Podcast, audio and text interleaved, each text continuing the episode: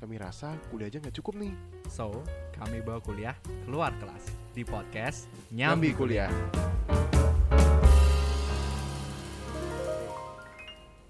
Punya nggak sih temen yang bisa dibilang kayak gimana ya? Kayak ada diskusi atau apa dia selalu orang yang berani ngomong.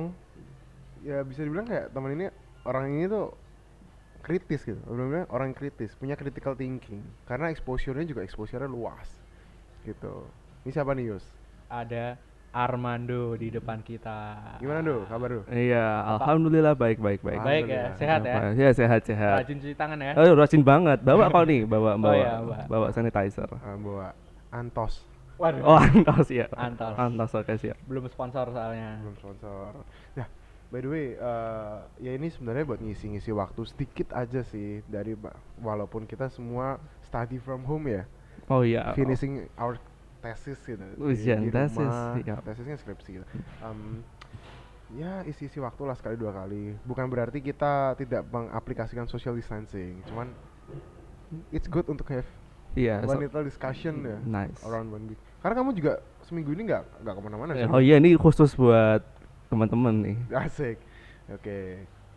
Nah, nah, ini short information ini Armando ini angkatan 16 dari industri, teknik industri gitu. Tapi yang nggak semua orang tahu adalah dia dulu angkatan 14 dari FPIK. Wadidaw. Ada apa nih? Dua angkatan berarti? Iya, dua angkatan. Waduh. Tapi belum sebelum itu mungkin lebih ke cerita dari aku mau minta Ardo cerita dulu di waktu SMA tuh what happened. Dia yang SMA 3 dulu. ya? Iya iya SMA tiga. tiga. Mungkin bisa diceritain aja dulu kenapa pilih FPIK di tahun 14. 14 dan dia juga tiga kali akselerasi bro Waduh, nggak main-main ya. nggak main beda ini beda. Ketagihan apa itu? Ih, Gak, bi- gak bisa lepas kayaknya sih. Oke. Ketagihan Axel. ya. oke aku Coba, yang- itu coba. backgroundnya dulu kenapa uh, di FPK ya, ya? Iya, di FPIK. Cerita dulu, cerita dulu. Oke, eh, halo semuanya. Kenalin, eh, aku Armando. Ya, orang kadang memanggil aku Ardo. Em, Oke, cerita dikit tentang awal-awal pas mau masuk kuliah. Mungkin agak jauh sih ke SD dulu sih. Awalnya dulu aku SD di Istriati di Semang 5 itu aku masuk program akselerasi karena akselerasi aku dari enam tahun jadi lima tahun terus aku masuk ke SMP 2 dari tiga tahun jadi dua tahun karena aku asal juga Oke. Terus Oke, ya oke, biasa oke. kayak SMP 2 terus SMA 3 kan, terus asal juga. SMA 3 Axel juga. Iya, tiga Wah. tahun jadi dua tahun. Nah, kalau dulu pas milih kuliah sebenarnya gini, FPK itu bukan pilihanku pas SNM, SBM maupun UM Undip. Lah, kok tapi bisa masuk? Nah, jadi tahun 2014 dulu ada namanya UMPPT, ujian masuk bersama perguruan tinggi. Jadi kasarannya eh, jurusan-jurusan yang bukan yang favorit kayak misalkan hukum, kedokteran atau mana tuh ngumpul di situ semua, kayak peternakan, FPK. Hmm. Kan beda banget tuh sekarang FPK sama yang dulu sama yang sekarang kan jauh banget. Nah, pas dulu tuh belum sepunafit sekarang. Nah, Mm-mm. terus aku pilih tuh mana yang akreditasinya bagus. Terus hmm, kayaknya kelautan deh, ilmu kelautan. Masuklah ke ilmu kelautan tuh. Iya. Jadi di FPK itu ada dua jurusan pas saat itu, perikanan sama kelautan. Oke.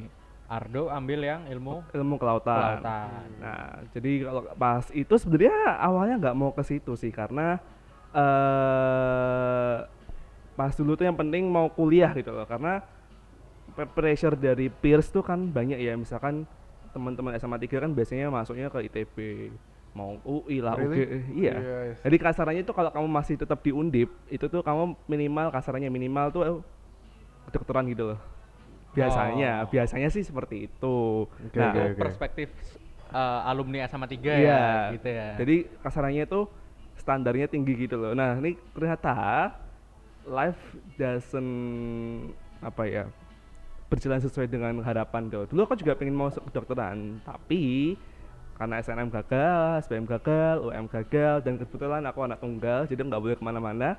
Ya udah, apa yang jadi undip aku ambil.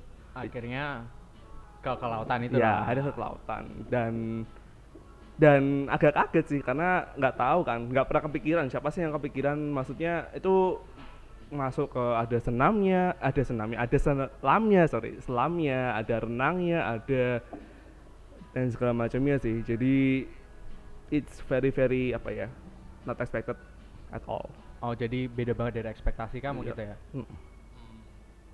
Menarik menarik. Terus kamu jalaninnya gimana? Kayak selama 2 tahun dulu ya, setahun. Oke. dulu. Hmm. Eh, selama dua tahun awalnya oke ini eh, ceritanya adalah FA Cup pada zaman itu adalah salah satu apa ya kader yang paling susah daripada FT karena pas tahun 14 itu belum ada kayak apa ya peraturan rektor yang benar-benar Ah, mem- membatasi, Membatasi. kaderisa- Jadi dulu ya. emang Hmm. aku kader sama anak-anak yang 15 tahun sementara aku masih 15 tahun untung aku badannya kan gede jadi ya gak dibully gitu loh Nggak kelihatan kelihatan kelihatan, banget. iya jadi kan kalau ditanyain orang 15 tahun padahal 15 tahun baru masuk SMA biasanya kan Ah, Iya makanya, benar. makanya itu. Berarti bedanya agak jauh ya kamu sama teman-teman Iya. pada saat itu ya. Bukan agak jauh bro, jauh banget 3 tahun bro. bahkan ada yang lucu sih yang lu- lucu adalah pas itu ada temen yang angkatan lahirnya itu 94 jadi kayak lima tahun dari aku selisihnya. Dan aku satu itu. Nah selama aku di FIK aku masih praktikum seperti biasa aku masih kuliah seperti biasa. Nilainya lumayan lah eh, nggak jelek-jelek banget. Paling C berapa satu paling itu berapa. Dan Detail tapi tapi pas dulu itu kan tembalang kan ya. Aku tuh masih ada ikut bimbingan belajar. Bimbingan belajarnya itu di jalan kayak sekitar 9 kilo gitu loh jadi tiap hari aku tak naik turun naik turun naik turun buat belajar juga biar aku bisa pindah dari FPK Itu selama berapa lama? Dari tahun ke berapa? dari aku udah mulai dari awal aku masuk aku udah nyoba oh kira-kira aku mau SPM gak ya oh ternyata aku mau SPM tahun 15 tuh aku nyoba Terus? tapi gagal Oh nggak dapat. nggak dapet jadi Nyo- wah nyoba apa itu? nyoba 15. kedokteran juga Kedokteran, Kedok- kedokteran dan pilihan keduanya juga industri Oh. jadi hampir semua yang aku pilih itu ya kedokteran habis itu industri habis itu RC Mm-mm. nah Oh berarti kamu sebenarnya udah ngeplan nih dari pertama kali masuk memang ya sebenarnya udah kayaknya nggak cocok gitu ya. ya jadi aku oh duh kayaknya kok ini bakal kerja lapangan ya kayak aku kalau menurutku aku merasa diriku tuh nggak cocok gitu loh untuk kerja lapangan bisa sih selam bisa cuma kan akhirnya kita tahu kan kita mau preferensinya seperti apa untuk masa depan kita True, true. Karena kamu udah ngalamin juga. Iya, udah tahu. Oh, kira-kira bakal kayak gini nih. Hmm, Betul. kayak aku punya jadi kayak selama dua tahun itu aku punya kayak moto hidup bahwa accept what you cannot change, change what you cannot accept. Kalau kamu menerima apa yang kamu ini ya udah jangan diubah, tapi kalau kamu nggak terima ya kamu bisa ubah lah itu. Oke, oke. Terus aku mau minta kamu cerita buat ini deh. Eh, oke, kamu keluar bisa dibilang keluar dari FV di tahun ketiga. Iya. ini. Simptomnya apa? Means Oh. ya, simptomnya apa? Kayak oke, aku udah nggak bisa nih. Karena kan ada kan teman-teman kayak misalnya aku atau beberapa teman yang lain kayak ya udahlah jalanin aja gitu loh. Terus Hmm. akhirnya semakin lama semakin lama terus te- terlambat. Mereka merasa kayak aku udah terlalu dalam nih di sini. ya nih, harus gitu. dijalanin gitu mau nggak mau. gitu. Mm-mm. Tapi kamu choose untuk Tanda-tandanya tuh apa? gitu? simptomnya Biar uh, kita tahu nih kalau udah mengalami ini di fase-fase awal tuh biar bisa menentukan secara lebih cepat ya Rek ya? Iya benar banget, benar banget. Oke. Em, kan itu aku udah empat semester ya di Iya, FPK ah, dan aku udah kalau empat semester kan berarti kamu nggak cuma belajar yang dasar kayak pengantar pengantar pengantar Mm-mm, tapi kamu udah, lebih belajar dalam lagi. Iya, itu ada sedimentologi lah, ada belajar tentang arus lah, ada belajar tentang apa dan Oh iya. aku kan juga udah mudeng oh kira-kira nanti kalau aku kuliahnya selesai aku mau kerja di mana. Nah, kebanyakan tuh jadi saintis kan. Dan sepertinya kok oh aku punya pemikiran gini sih kayak apakah ini akan ini apakah ini adalah sesuatu hal yang akan aku lakukan selama sisa hidupku gitu loh tentang kelautan karena kan kalau kita S1 kan pasti itu basic kita gitu loh mau ke mana pun walaupun mungkin ada yang bilang bahwa S1 itu enggak menjamin nanti kamu jadi apa tapi tetap aja itu kan bahan kamu paling awal untuk memulai dan akhirnya aku mikir bahwa oke aku jalanin aja tetap jalanin karena siapa tahu aku gagal lagi gitu loh Ah? gagal lagi SBM lagi Ah, gagal iya. SBM lagi Oke, oke. jadi aku nggak mungkin Oke, oke. nggak aku kasarnya aku berpijak di dua tempat gitu loh cari aman. cari aman tapi cari amannya tuh nggak aman juga karena capek lah praktikum di FPK bisa sampai kayak jam jam 8 Iya, true, Waduh. 8 malam Iya, ada sedikit suara-suara BTW ini kita lagi ada di sebuah kafe ya. Ah. Jadi Starduck. ya star Oh, iya. Starduck. Ah, iya, Ah, iya. Lum- lumayan. Jadi ada background-background kafe-kafe Kafe, nggak iya. masalah Ya, lah. ya. Oke, lanjut dulu, lanjut Iya, dulu. simptomsnya yang lain adalah bahwa em, kamu merasa bahwa kamu bisa catch up kuliah, cuma kamu kayak makin lama makin lama makin tahu oh ini enggak sih enggak bisa kayak gini terus.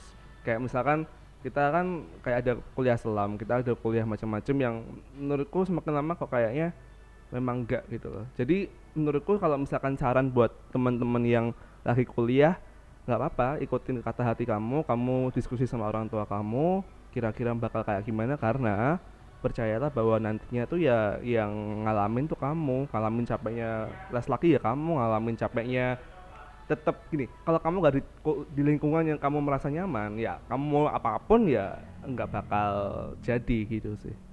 Jadi Eh, eh, True, true. jadi ya menurutku pahami diri kamu dulu sih kayak gimana. Oh pahami diri ya. Ha, ha, kira-kira bisa nggak? Oh kalau nggak bisa rencananya apa? Oke and are you happy now? Oke kalau misalkan ini happiness is cannot you cannot you cannot apa ya karena ini juga kita masih di dalam tahap akhir kuliah kita kan jadi ya kalau dibilang happy ya kita masih menuju ke happiness tapi sebenarnya dalam- compare lah, di compare Ya, aja oh, compare. sama yang kemarin sama yang Nah, sebelah itu Oke, uniknya adalah sebenarnya eh dua-duanya itu memberikan aku happiness, tapi caranya beda. Gini, Oh. la- kalau ke lautan, kamu tuh sering ke laut kayak hampir kayak berapa ya sebulan mungkin adalah sekali. Mm-mm. Kamu pasti ke Teluk Awur di Jepara, kamu pasti ketemu sama, maksudnya bener-bener kamu langsung in touch sama laut gitu loh. berarti lebih ke outdoor Iya, nah tapi kalau di industri kan kita jarang nih, misalkan kita hanya misalkan simulasi, kita ke perusahaannya paling sebulan apa se- semester sekali. Jadi sebenarnya happinessnya beda. Kalau misalkan kamu ke lautan bisa kamu happiness sambil kamu nyari data, kamu di laut. Nah tapi sebenarnya kalau misalkan dibilang happiness itu relatif gitu loh. Karena aku memilih industri pun juga nantinya aku nemuin hal-hal yang aku nggak expect juga. Iya. Cuma ya itu uh, apa ya resiko yang kamu harus bayar lah kalau kamu Mm-mm. ya lanjut oke oke oke Nah, tapi aku mau tanya nih. Apakah setelah kamu pindah, kamu merasakan oh keputusanku tepat nih kayaknya nih. Hmm. Em, lucunya adalah ke- eh, kebanyakan yang aku merasa happy itu bukan karena semuanya aku di industri, tapi lebih karena hal-hal apa aja yang aku bisa lakuin setelah aku di industri. Oh, Jadi oke. gini, gimana tuh contohnya tuh? Jadi misalkan karena dulu aku fokus les, aku tuh nggak pernah ikut organisasi. Ah, Aku nggak pernah namanya eh, organisasi A, himpunan, BEM dan segala macamnya. Iya ya. Terus terus um, um, terus uh, apa ya bisa bilang nggak? Kamu berarti masuk organisasi apa aja? Yang oh dulu Enggak, dulu pernah sampai BM gitu nggak pernah? Oh nggak pernah. Aku dulu ada namanya MWA gitu sih. Tapi yaudah. Tapi intinya kalau setelah aku pindah, aku tuh bisa kayak punya kesempatan aku menata. Oh aku udah tahu nih organisasi di Undip ada apa aja. Oh, Aku bisa pilih. Oh aku ternyata cocoknya di sini. oke gitu. oke. Kalau dikonklusiin berarti bisa bilang kayak kalau kamu di FPK kamu terlalu fokus dengan dunia kuliahnya aja gitu. Iya. Karena emang padat dasarnya. Padatnya dasarnya padat dan aku juga punya tujuan pengen pindah. Jadi nggak ada waktu buat mau yang lain gitu sih. Benar. Oh iya iya. Jadi disibukkan dengan ingin pindah itu ya malahan. Iya, pokoknya gimana caranya aku bisa pindah gitu. loh. Ah. Whatever it takes lah. Oke oke. Terus misalkan kamu nggak keterima industri kemarin, kira-kira kamu akan pindah musik keluar dari Undip atau ada op- opsi nggak itu? Pas itu opsinya adalah antara aku stay atau aku leave. Oh Jadi, stay atau aku leave ke industri. Hmm, itu doang ya? Itu doang. Karena pun industri pun juga pilihan kedua aku Oh sebenarnya. karena kan. dia juga happy ya dasarnya di FPK pun tetap happy. Aslinya happy, Cuman tapi- ya nggak nggak fulfilling Iya. banget gitu nggak fulfilling gitu. Oke seru asik asik tuh. Oke terus oke udah cerita soal apa namanya dari industri tadi FPK kenapa kamu pindah dan macam-macam. Selanjutnya kita udah tahu simptomnya juga nih Hmm. kasusnya. Aku mau berusaha ng- ngikutin alurmu aja. ya. Oke udah tahu simptomnya, kamu keluar, kamu akhirnya keterima industri Mm. setelah keterima industri di tahun pertama what it feels maksudnya kayak ada nggak pride pride di mana kayak "Nah, aku pernah dua tahun loh di FPK industri ini biasa aja gitu Hmm, itu oke. happen nggak Lebih ke oh orangnya beda gitu. Jadi kayak tiap fakultas punya orangnya masing-masing, kayak tipenya seperti apa dan industri Oh. itu lebih kasarnya lebih ambisius. Lebih Ah. yes, is it kayak lebih ambisius, lebih apa ya? Kayak kamu lihatnya oh kayaknya orang santai-santai nih, tapi ternyata di baliknya memang beneran lakuin apa yang dia pengen gitu. Apa dia mau usaha dia mau kuliah jadi kayak kasarannya environmentnya itu yang paling beda dan itu kayak agak merubah gitu sih karena Hmm. awalnya seperti apa di kelautan tapi ketika berubah di industri ya lagi readjust lagi kamu ketemu sama orang-orang baru yang itu pun benar-benar beda feelnya daripada di kelautan Kalau kelautan gimana?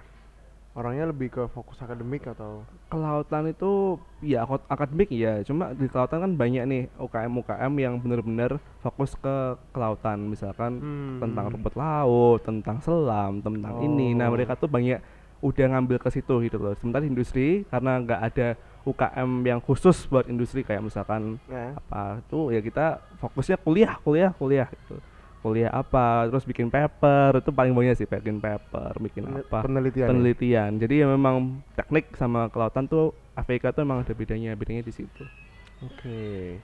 Jadi bisa dibilang juga kalau anak-anak FVK ya orang-orang yang emang pada akhirnya bukan orang nggak jarang banget buat untuk kerjanya nanti di dunia luar FVK juga ya. Pasti ya ke sana ke sana aja gitu. iya Karena emang dari awal udah di set bener-bener kamu di shape jadi ya lulusan FVK gitu. iya betul jadi saintis nah Jadi saintis. nah sementara di teknik industri ini kayak sebenarnya kamu bisa lakuin apa aja gitu kamu mau jadi analis bisa kamu- mostly mostly ngapain? kalau mostly teman-teman kamu atau hmm, oh pas yang udah lulus apa yang masih di ini Oh, semua dong. Oh, oke Hmm.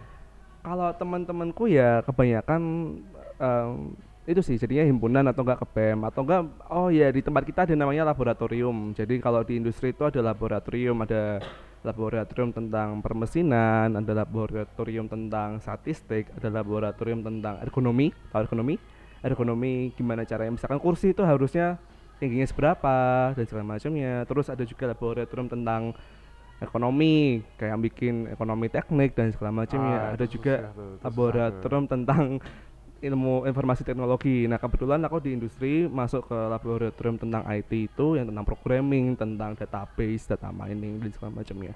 Dan Hmm, jadi kayak kasarannya seluas itu gitu dari permesinan ada, dari statistik bisa, mau mau HR ya bisa masuk karena kita juga ada manajemen sumber daya manusia, manusia Oh ya manajemen juga ada ya. Jadi ya- juga cerita.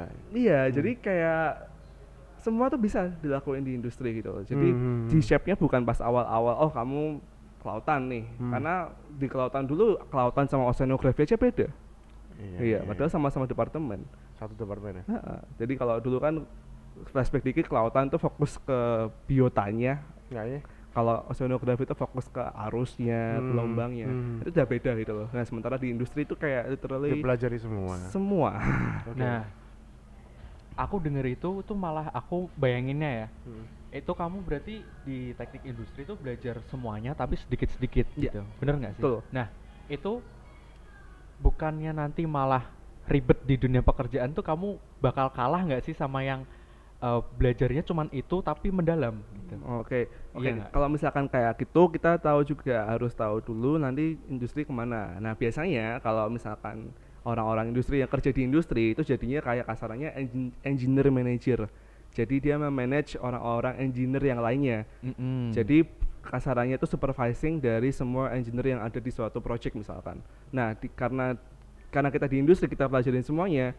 Jadi kita bisa tahu nih, oh apakah quality dari yang mereka lakuin itu bener atau enggak. Udah tahu, oh listriknya itu bener atau enggak. Oh tahu juga misalkan tentang sipilnya tahu atau enggak. Jadi fungsinya kita belajar semua itu adalah kita biar tahu. Jadi ketika kita nanti mau ngecek di lapangan itu kita tahu harusnya itu seperti apa dan kita bisa ngelakuin itu. Jadi gak cuma asal tahu gitu loh, tapi kita bener-bener tahu karena kita pelajarin. Oke oke. Get sih aku sih. Tapi um, let's be more specific kayak kasih tahu dong ke kita tuh belajar tuh mata kuliahnya namanya apa. Hmm. Terus selain mata kuliah, itu yang paling susah tuh apa? Favorit orang-orang tuh apa? Menurut kamu kayak lab kan labnya banyak ada yang nginep Iya. segala ya, mau nginep ya. Oh iya iya ada yang nginep. Ya itu maksudnya yang paling menarik tuh apa gitu. Supaya teman-teman di sini uh, aku juga pengen tahu tuh. Dulu aku sempat mau masuk industri. Oh sebelah ya. Ya, se- Sebelah. dulu sempat mau masuk industri, tapi berdasarkan ego akhirnya masuk ke teknik kimia. Iya, yang ego. akhirnya ego itu salah. Oh salah. Enggak, bukan salah Enggak sih, tapi lebih ke kurang tepat. kurang oh iya. Oke. Oke, boleh ceritain dong. Kalau ini kalau misalkan di industri itu ada kayak momok itu semester kalau nggak salah seingatku semester 5 itu ada namanya praktikum proses manufaktur. praktikum proses manufaktur itu nggak- kita nggak cuma belajar tentang belajar di kelas tapi kita ada praktikumnya jadi kita tuh nanti kayak teknik mesin nih kita bersentuhan sama mesin milling kita bersentuhan sama mesin drilling boring gergaji terus apa motong-motong besi kita disuruh bikin suatu produk. Dan itu biasanya itu kita sampai malam-malam tuh karena laporannya banyak. Ada namanya routing sheet. Routing sheet itu kita nulis apa pun misalkan ada satu batang besi kita tuh ngelakuin apa pun di situ tuh kita tulis. Oh kita nge ngemur, kita ngebaut, kita bolongin atau kita menipiskan itu semua ada di situ dan itu sampai malam banget. Itu semester semester 5 kalau nggak salah seingatku. Nah, dan pelajarannya lah yang mungkin sering momok buat teknik industri itu itu sih namanya ya bisa lah statistika industri kan susah ya statistika Ya, tuh susah tapi basic. di industri ada juga namanya mutu jadi caranya tuh industri itu intinya ke quality control jadi gimana QC. ya QC jadi di situ kita belajar tujuh tools seven tools of quality dari histogram dan segala macamnya dan itu cuma satu hal padahal di industri ada banyak hal yang lain Mm-mm. kayak Oke, oke. mm, kayak simulasi komputer Hmm. kita misalkan simulasiin sistem oh harusnya itu sistem itu dibuatnya seperti apa apakah efisien apakah efektif jadi kuncinya di industri itu ada di ada tiga kata sih produktivitas efektivitas sama efisiensi Nah itu eh, berarti semuanya berkaitan dengan industri. ya Iya nggak? mm-mm, Tapi kan banyak aku dengar nih anak industri juga bisa masuk di bank, ya juga bisa masuk di jadi konsultan dan lain-lain lah. Mereka di situ apakah masuk juga hal yang dipelajari tentang itu masuknya di mananya gitu loh Oh, industri oke. di yang selain bidang industri sendiri. Oke, eh, kita ada namanya manajemen proyek. Jadi kita ngukur kayak apa ya? Ngukur apakah proyek kita tuh sesuai dengan budgetnya atau sesuai dengan kebutuhannya. Jadi sebenarnya kalau di industri pun bank bisa masuk dari awal dari ekonomi teknik. Ya. Terus habis itu ada namanya manajemen proyek tadi, ada namanya nanti analisis perancangan perusahaan. Jadi kita ketika mau bikin perusahaan itu kita Layak atau tidak? layak atau enggak. Nah, itu biasanya nanti yang dipakai di bank. Apakah kita layak nih ngasih misalkan investment, kita layak nggak sih ngasih apa ya modal buat orang tuh bisa bangun industri itu sih. Jadi semua itu dipelajarin, tapi akhirnya nanti orang kan masih milih mau fokusnya ke bagian apa, mau fokus ke bidang TA-nya apa. Jadi ya semua dipelajarin, cuma tetap perlu ada spesialisasi. Oke lah, biasanya TA-nya sendiri dari anak-anak industri tuh ngapain? Oh, TA-nya kayak paling sering misalkan Oke banyak sih sebenarnya. Jadi pertama misalkan ada perancangan produk.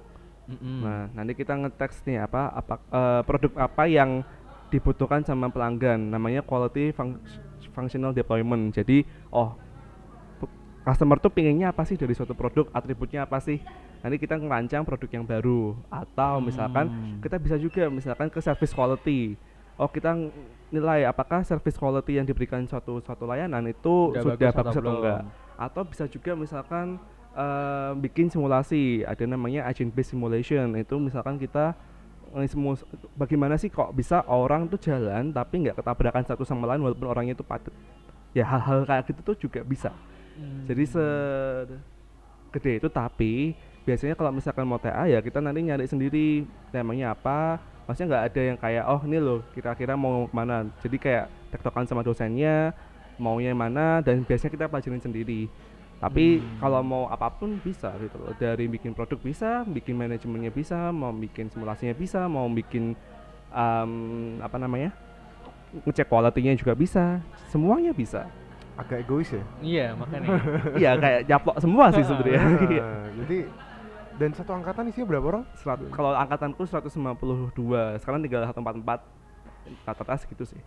150 ya satu angkatan iya malah banyak teknik kimia sebenarnya Iya, Undip. teknik kimia le- lebih banyak. Seratus. tapi padahal maksudnya secara luasnya untuk dunia pekerjaan juga jauh lebih luas iya gitu. luas banget jadi kayak ada yang dari bank ada yang di eh, ada namanya kayak apa namanya growth growth iya. growth head of growth dan segala macam ya oh, banyak sekali Iya, itu itu biasa di startup Heeh. juga iya startup, dipakai startup. terus Nah, bi- eh, ngomong-ngomong pekerjaan nih, Rick. Hmm. Aku penasaran nih kalau uh, Tekim kan biasanya prestis kalau pre- prestis tuh kalau kerjanya di Pertamina, oil and gas. Yoi. Gitu kan. Yoi. Nah, kalau industri tuh di bagian mana?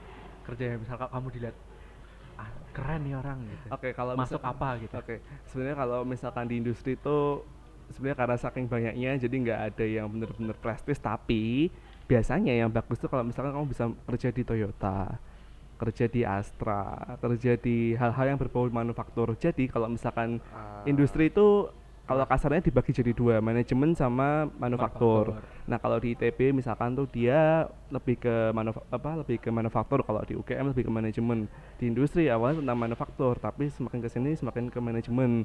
Tapi orang-orang kayak foundernya industri itu biasanya lebih kayak apresiasi orang yang kerjanya itu di manufaktur kayak di Astra, di Toyota. Iya, gitu. gitu-gitu. Oke oke get ya Nggak ada kiblat khususnya sih, cuma ya kalau prestis prestis ya, ya kayak, true, kayak true, gitu. true, true. nah ya Jadi Gitu. dan uh, kalau dari teman-teman kamu sama alumni mungkin di Undip mostly masuk mana sih? Tahu nggak? Atau Sebenarnya kalau dibilang mostly itu nggak ada sih, kayak nggak nggak nggak banyak mencar banget ya? mencar banget banyak yang juga di bank juga Oh banyak yang di nah dan di banknya pun juga ya tadi yang aku bilang lebih ke kontrol tadi apa mau dikasih investment atau enggak jadi ya seluas itu secara apa pun bisa gitu loh Nah ini begitu sebenarnya ini ya kalau aku memposisikan diriku sebagai anak SMA yang nggak tahu mau kuliah apa disuruh dapat informasi kerja di bank itu teller pikiranku. Ya. Nah ini kalau di industri sebenarnya enggak ya. enggak Setahu aku itu lebih ke kayak mungkin kalau temen eh, apa ya ada yang namanya ODP nah iya contohnya. mandiri ya Ada juga yang MT lah, MT itu Mm-mm. ada jadi PR-nya juga dan macam-macam. Jadi sebenarnya bank tuh nerima banyak ya. iya jadi sebenarnya kalau misalkan stigma bank tuh jadi teller tuh enggak gitu loh Hmm. dan sebenarnya gini teller pun juga bukan percayaan jelek gitu loh tapi true, kan, true, makanya, true, true, makanya true. itu maksudnya stigma yang menurut kurang tepat bahwa oh kamu kerja di bank terus nanti kayak kamu dijudge apa-apa sebenarnya nggak gitu kan nah kalau di industri itu biasanya eh, kamu bisa masuk ke bagian di manajemen di, di dalamnya misalkan di wholesale bankingnya jadi ya intinya kamu manajemen dari suatu bank bukan front office gitu. Nah front office pun bagus manajemen bank juga bagus. Tapi industri mostly di manajemennya. Oke, ya menarik menarik. Oh kita udah diem-diem udah bahas soal karir, iya ya penasaran soalnya. Penasaran. Iya, tapi let's back to kuliah lagi dulu aja. Oh, karena kuliah aku- dulu. Karena Ya. aku penasaran di kuliahnya. Iya, aku juga masih kuliah sih. Karena aku Kita masih kuliah soalnya. juga biar ceritanya lebih banyak kan tentang kuliah Heeh.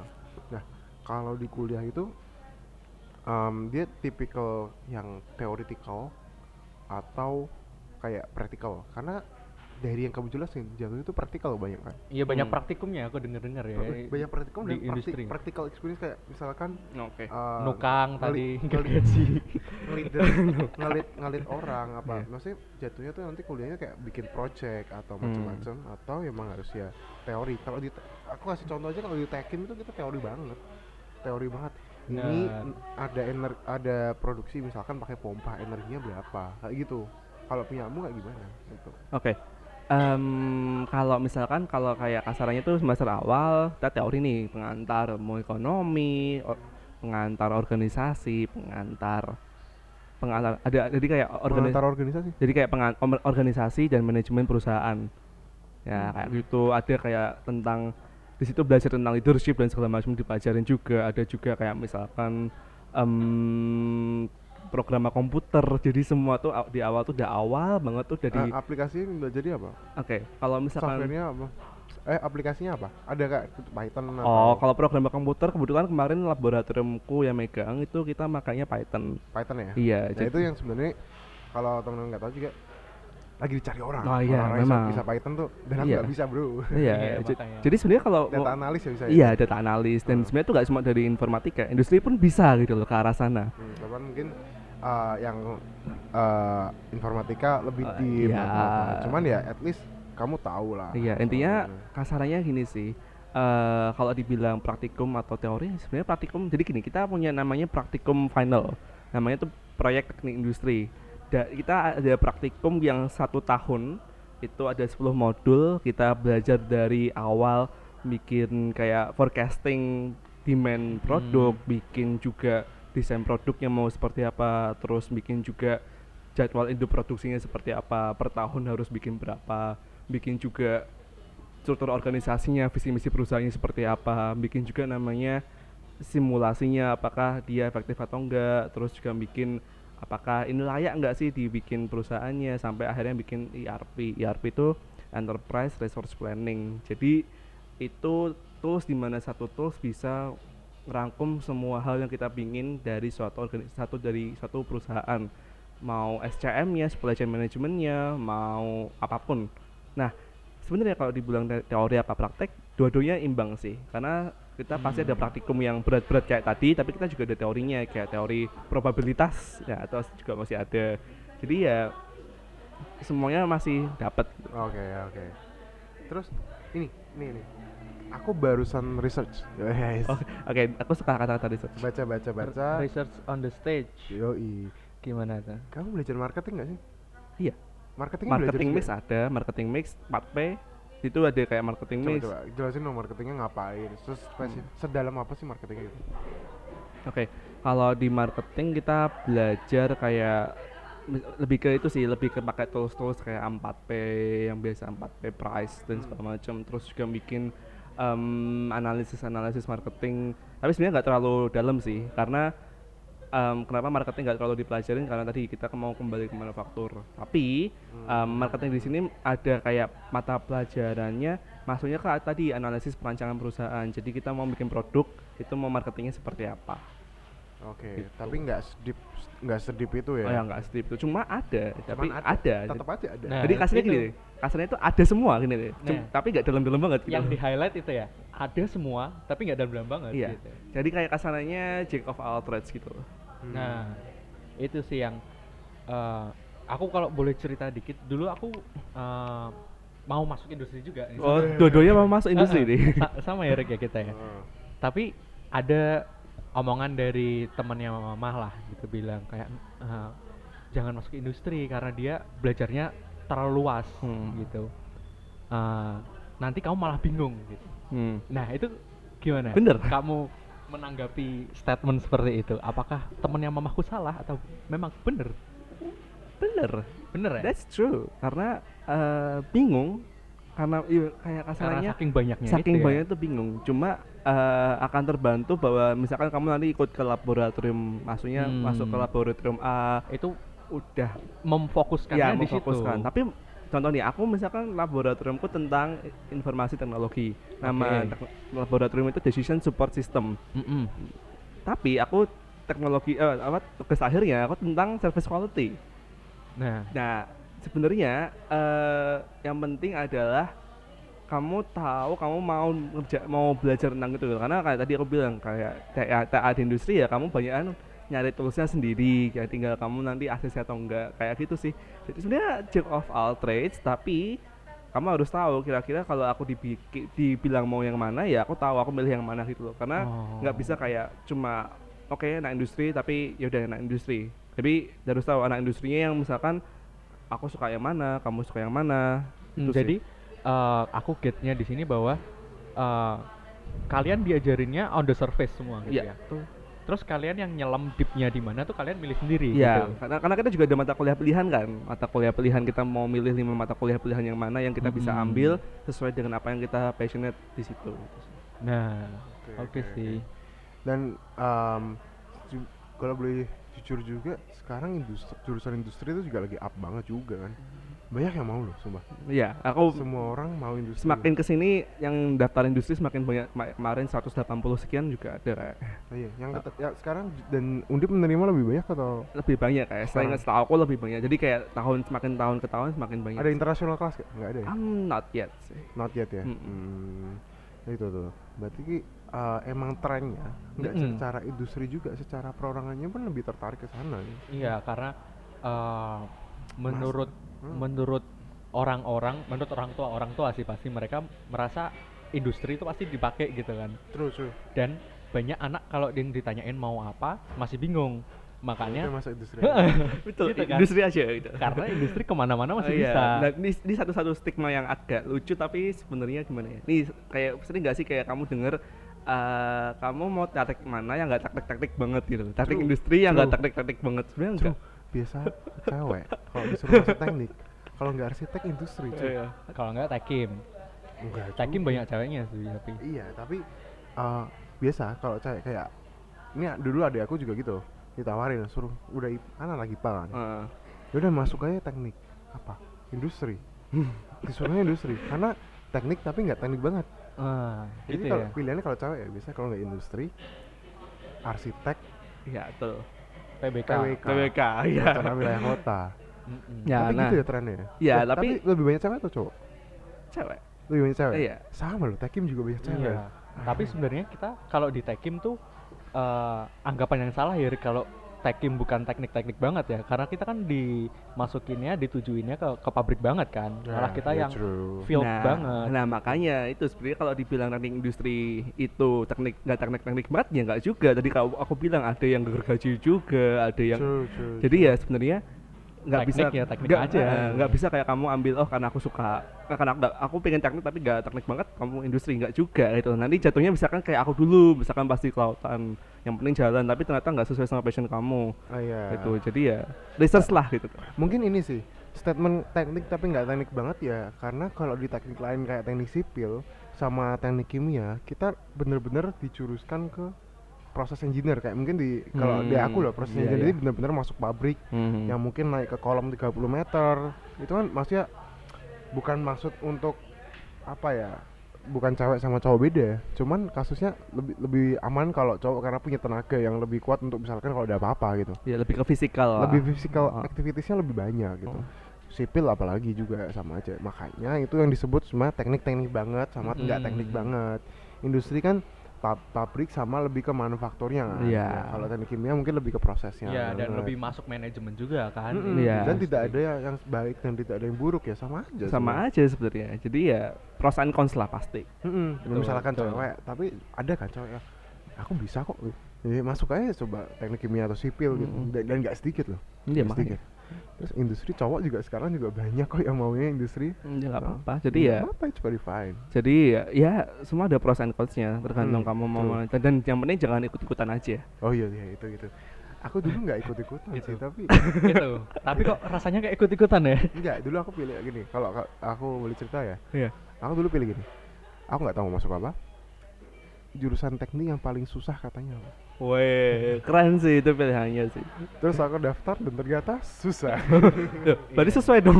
sesuai, sih sesuai. cuman Cuma gimana gitu ya. ya, eh, cuman jatuhnya kok Susah ya. Nggak. nggak sepassion itu jatuhnya gitu.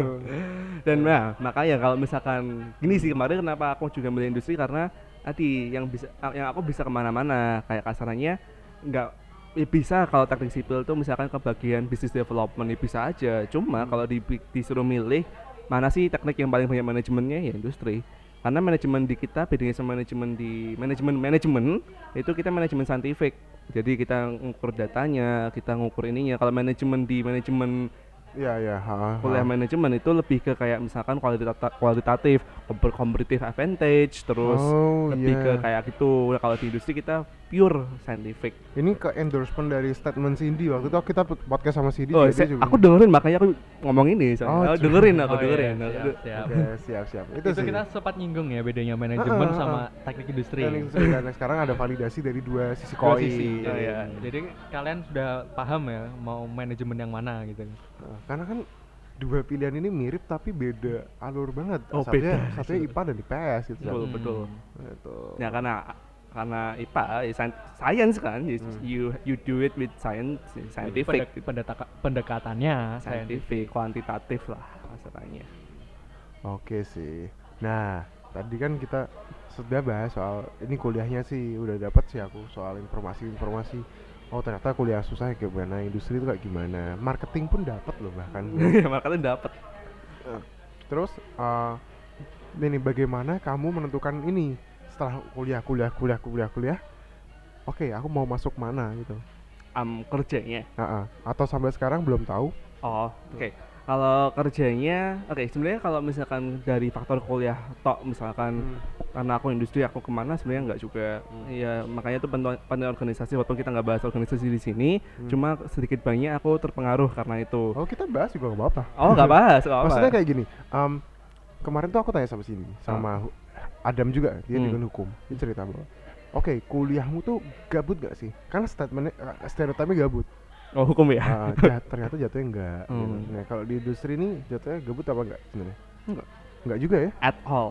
Enggak sama At all, sekali. uh, Jadi kita bisa aja praktikum dua kali kan dalam satu waktu gitu. dalam satu semester. Dalam satu waktu bersamaan tuh bisa dua kali dua praktikum. Kayak kemarin ada praktikum misalkan simulasi komputer bareng sama proyek teknik industri bareng. Jadi bareng-bareng timelinenya tapi ya beda de- deadline-nya dan itu In buat semester itu? Hah? Di semester berapa? eh, semester 6 atau 7 6 ya? ya mama semester tua jadi sebenarnya kalau dibilang industri gabut ya enggak juga Nah, gitu. itu sampai semester tua masih ada praktikum ya. iya Ya, oke, aku aja berhenti semester 5 Nah, Iya. aku terakhir semester 6 kalau di industri. Jadi semester 6 tuh semester terakhir Tapi untuk- masih dua, masih dua barengan. Dua barengan. Nah, Dan itu susah semua. Nah, susah tuh bukan praktikum cuy Laporannya Oh iya betul betul betul. Ah. Nulis laporannya, Mm-mm. citasi. Tulis tangan?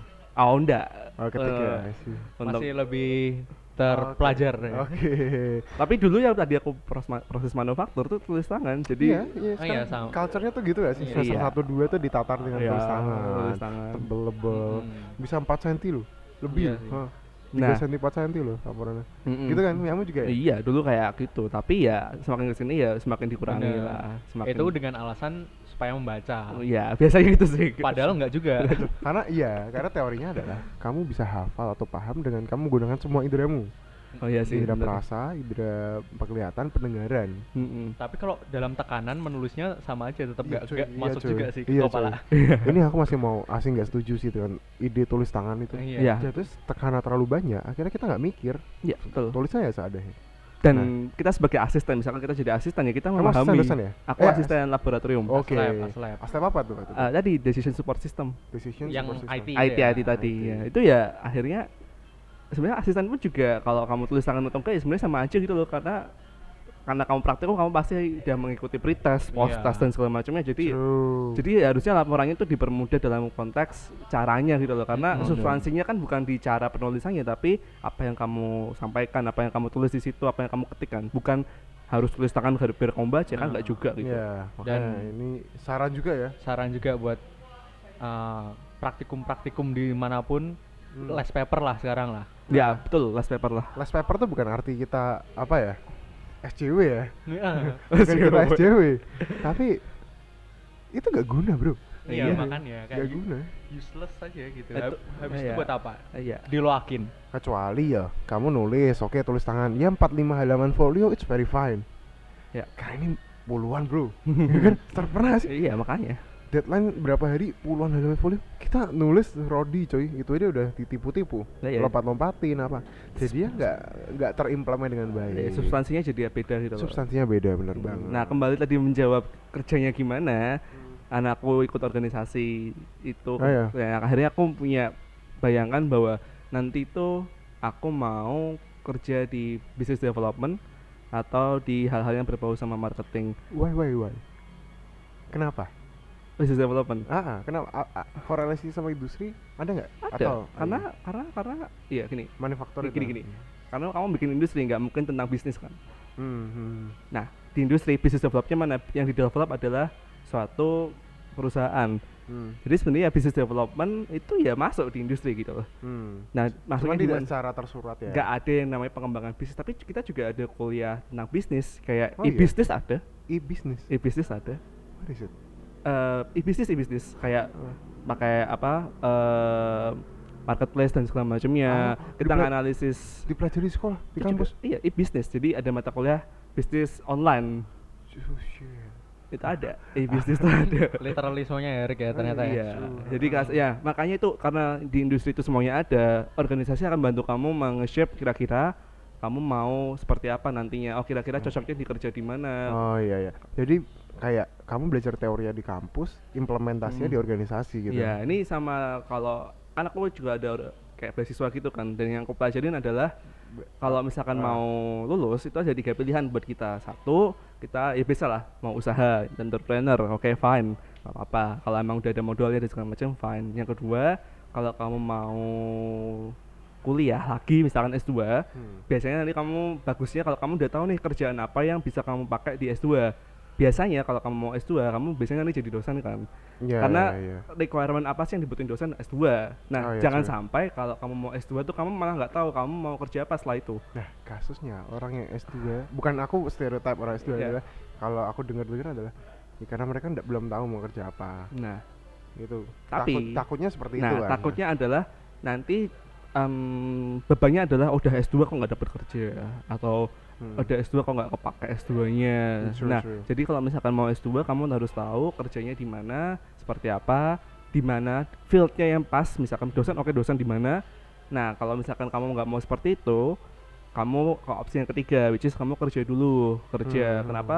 Karena kerja kamu nanti dapat apa ya tiga, minimal tiga tahun lah kamu tiga tahun udah kerja di mana itu kan bisa masukin kamu ke job experience yang lumayan Hmm. nah, portofolio Eh, portofolio udah lumayan. Nah, ketika kamu udah tiga tahun itu, akhirnya kan kamu tahu nih, oh kira-kira kompetensi apa sih yang aku kurang dalam kerjaanku. Iya, nah, true. karena kamu udah tahu kekuranganmu apa, akhirnya kamu, oh aku butuh nih nambah ilmu lagi. Kamu butuh nih nambah ilmu lagi dengan cara S2. Jadi S2-nya itu udah ada nih, oh susahku di kerjaan apa yang mau aku Hmm, kembangin hmm, yang mana, Hmm. akulah S2 sesuai dengan apa yang aku mau tambahin. Jadi ya kalau aku tadi ke yang bagian ketiga tadi which is aku kerja dulu tadi business development atau di di- ini sih business development sih atau nggak di Hmm. marketing di kalau nggak di bank maunya ke FMCG mana pun Nah, musik ya. Itu kayak sem- sekarang iya itu orang- MNC MNC multinational company itu kayak it's something gitu loh sekarang semua orang yang ya. dikejar semua milenial ya kayaknya. Iya, Nah, iya. kalau kalau kamu nge-translate multinational company, company is industry. Iya, so, ya kalau kamu mau kerja di hal-hal seperti itu, ke perekonomian seperti itu, ke industri aja. Waduh ini promosi Oh, ya. garis keras ya. Keras lah, kan mumpung ada kesempatan. Sebenarnya nggak usah dipromosi udah banyak yang mau. Iya Oh. sudah banyak yang mau. Cuman ini kita kan clarifying aja. Clarify. Nah, validasi ya. Nah, validasi Mm-mm. apa sih yang benar apa yang benar dan apa yang enggak Oke. gitu. Biar orang-orang yang research tentang teknik industri itu lebih jelas da- tahu dari sumbernya sendiri yang ngalamin gitu kan. Hmm. Nggak cuman tahu dari orang tua. Nah, nah, ini sama, sama satu lagi nih yang menarik industri. Kayak industri itu bisa diterapin di, di kehidupan kita sehari-hari. Namanya tuh tahu gak sih pernah dengar Kaizen? Tahu, tahu. Nah, itu kayak sering kan Ya, itu yang dipakai di Toyota ya? Iya, Kaizen. Ah. Nah, itu namanya kita juga belajar namanya Toyota Production System. Jadi kita Ah. belajar sistemnya Toyota. Oh. Ah, kayak kamu tahu Trello kan? Trello aplikasi Trello. Oke, nah, itu ya. tuh bagian dari namanya Kanban. Kanban itu ada juga di industri. Jadi gimana caranya kita pakai kartu-kartu itu dimasukin oh, kamu udah mau lakuin to do, doing sama done. Nah, Ah. selain itu Kaizen itu juga kita bisa pakai di kayak dunia kita sendiri sehari-hari gitu loh. Continuous improvement is sebenarnya bedanya Kaizen ada satu lagi namanya Kairio.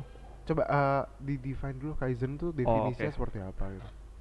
Oke, ada dua yang sebenarnya agak sering misleading. Pertama Kaizen sama Kairio. Kaizen itu sebenarnya bukan continuous improvement secara harfiah. Secara harfiah aku belajar dari suatu jurnal, Kaizen itu self improvement, Self improvement. Nah, itu karena ap- implementasinya seperti apa tuh? misalkan kayak kamu misalkan kamu mau asalnya gini sih, kalau kamu mau mengubah sesuatu, ubahlah dari diri kamu sendiri. Terus Nah, ya. jadi kayak misalkan kamu mau ngubah satu perusahaan ya kamu mulailah dari divisi kamu sendiri. Itu self improvement. Nah, karena self improvement ini diterapkan di semua perusahaan, jadinya ada namanya Kairio. Kairio ini continuous improvement. Hmm. Nah, jadi sebenarnya kalau misalkan secara harifiah, secara kata per kata, kalau kamu mau con- continuous improvement, mulai dari selfmu dulu. Jadi ya Hmm. biasalah, eh, apa, Ya, be, terus, terus, be terus. the change you want to Agent see in, change. ya, be the change you want to Nah, see in the world. Dan itu kamu pelajari di Dan itu ada di di industri itu ada. di teknik industri ada. Di itu ada Kaizen itu ada. Kita pelajarin gimana caranya kita bisa muterin Ah, itu. Jadi ada kasus kayak kamu oke implement Kaizen di satu case gitu. Or Oke, eh, biasanya nanti kita ada namanya itu kan biasa PDCA, plan, do, action, PD, plan, do, con eh, sorry, PDAC, plan, do, action, and control. hmm. Nah, jadi kita ngeplan dulu, biasanya kita ngelakuin, terus kita ngelakuin planningnya dulu, besok kita nge- nge-action sama kita nge-control. Oke. Jadi setiap itu bagian dari tadi aku bilang quality control. Jadi semua itu sebenarnya masuk nih ke industri dari hulu ke hilir. Hmm. Karena kita industri kita harus tahu dari mana suplainya, kita harus tahu gimana ngolahnya, ngolahnya efisien sama efektif, dan kita harus tahu cara memasarinya. Oke, dan itu yang kamu pelajari semua. Semua, semua. Oke, oke, oke, oke, oke. Ini dapat sih ya aku sih. Ternyata ya lebih luas lagi dari yang aku kira. Iya ternyata seluas itu loh. luas dan itu pun yang define lo seluas itu tergantung industrinya eh, tergantung universitasnya juga kan Oh. tadi mau seluas apa karena tadi kan ada manufaktur sama manajemen kan jadi yang di Kalau yang yang yang undip itu dari dari manajemen pindah manufaktur. Dari harus awalnya manufaktur Mm. karena kita ikut ITB tapi Hmm. lama-lama jadi manajemen akhirnya kembali lagi ke manufaktur Nah itu itu pengaruh di ini nggak di mata kuliahnya Iya. apa berubah? ya a- ada beberapa pengaruh di mata kuliah misalkan eh, ada namanya sistem manajemen manufaktur Hmm. dulu nggak ada jadi kayak ngaruhnya ke situ sih yang mau kita pelajari mostly tentang manufaktur atau tentang manajemen Oke. Ya ini informasi aja sih. Jadi kalau misalkan aku misalkan aku masuk I put myself in shoes untuk orang-orang yang mau masuk undip jurusan teknik industri. Bahwa teknik industri di undip itu fokusnya ke manufaktur. Iya. sekarang manufaktur. Jadi Iya. kalau yang orang-orang merasa teman-teman yang merasa oke aku pengen masuk manajemen. Manajemennya tapi engineering. Mungkin industri. Cuman industrinya mungkin pilih-pilih di juru eh, universitasnya Mm, gitu ya mm, mm. bener nggak sih Iya, bener sebenarnya benar. Hmm. Nah, tapi tadi lagi aku bilang bahwa mana- tergantung kamu mau ke mana lagi. Walaupun nanti universitasmu memang jurusannya fokus ke manajemen, tapi eh sorry ke manufaktur, tapi kembali lagi kita bisa milih kita mau manajemen atau manufaktur. Jadi ya tergantung. Jadi industri itu ya awalnya semua bergantung ke kamu sendiri mau seperti apa dan ikuti apa yang kamu mau sebagai seorang yang mau masuk kuliah. Karena menurutku umur 18 sampai umur 20 itu suatu umur yang akan nentuin sampai kita mati nanti itu kita mau jadi apa. Oke. Tapi nggak banyak juga orang yang bilang bahwa kuliahmu tidak menentukan karirmu gitu. That's true juga. Cuman aku mau statement lagi bahwa ya kuliahmu menentukan tingkat kemudahan kamu masa depanmu seperti apa. Iya. Dan sejauh mana cakrawala yang kamu bisa perhatiin gitu. loh. Widen your horizon. ya. Iya, widen your horizon gitu sih. Oke, cu. Udah sih, asik banget sih ngobrol soal industri karena nggak nggak bakal habis sih karena luas banget ya. Iya. Hmm. Mungkin aku mau start up sedikit ya soal industri. Iya. Nanti tolong divalidasi lagi sama Oh, kalau aku oke. salah. Ini kesimpulan berarti ya. Iya, Oke. kesimpulan. Kesimpulan menentukan tujuan. Oke, siap. Udah kayak proposal. Oke, jadi kalau di industri itu belajar wide, literally wide dari industri. Ada dua jenis, ada manufaktur, ada manajemen, dan tiap univ beda-beda. Iya. Mm-mm. Undip fokusnya ke manufaktur. Iya, betul. Nah, statement bahwa industri itu teknik nggak teknik teknik tapi engineering nggak engineering banget ya sebenarnya Hmm. bener-bener salah karena ya kamu tetap do untuk untuk praktikumnya loh untuk praktikum dan kuliahnya ya do hard work as hard as engineering Iya, yang karena, lain karena kamu orang teknik gitu. Ya, karena kamu teknik gitu cuman bedanya untuk profil ke- pekerjaannya Hmm. nanti akan sedikit lebih berbeda karena lebih ke manajemennya gitu Betul. Nah, dan juga bisa dibilang kayak teman-teman yang mau kalau teman-teman mau masuk industri itu emang harus apa ya? Ya deep research soal jurusannya macam ah, apa ya? Lebih ke goalsnya sih. Iya. Lebih jangan cari mau karena suka pelajaran apa jadi mau masuk industri, tapi mau jadi apa makanya masuk industri Betul. gitu. Jadi apa yang kamu Sesuai tadi kalau kamu bilang sesuaiin dengan requirement-nya. Iya. Mau jadi apa requirement-nya apa misalnya jurusan industri makanya masuk industri Iya, betul. bukan gara-gara aku ahli di fisika makanya aku masuk industri Nggak- gitu enggak juga, gitu ya nggak juga. Nggak Hmm. bisa juga. oke mungkin uh, aku minta dong satu kalimat dari Armando ini yang pindahan dari satu jurusan ke jurusan lain Uh, satu kalimat kenapa orang harus masuk industri dan satu kalimat kenapa orang nggak usah masuk industri Oke. Satu kalimat kenapa orang jangan masuk industri? Karena industri nggak se- se- segampang yang kamu yang kamu pikirkan. lucu oke Karena kamu akan tetap seorang teknik hmm, dan kamu tahu lah seorang teknik itu seperti apa. true. Jadi kalau kamu ekspektasi yang kasarnya yang gampang-gampang, yang leha-leha, yang gabut, jangan ke industri. Karena jangan lupa, walaupun kita ngomong itu industri, tetap namanya teknik industri, bukan cuma industri.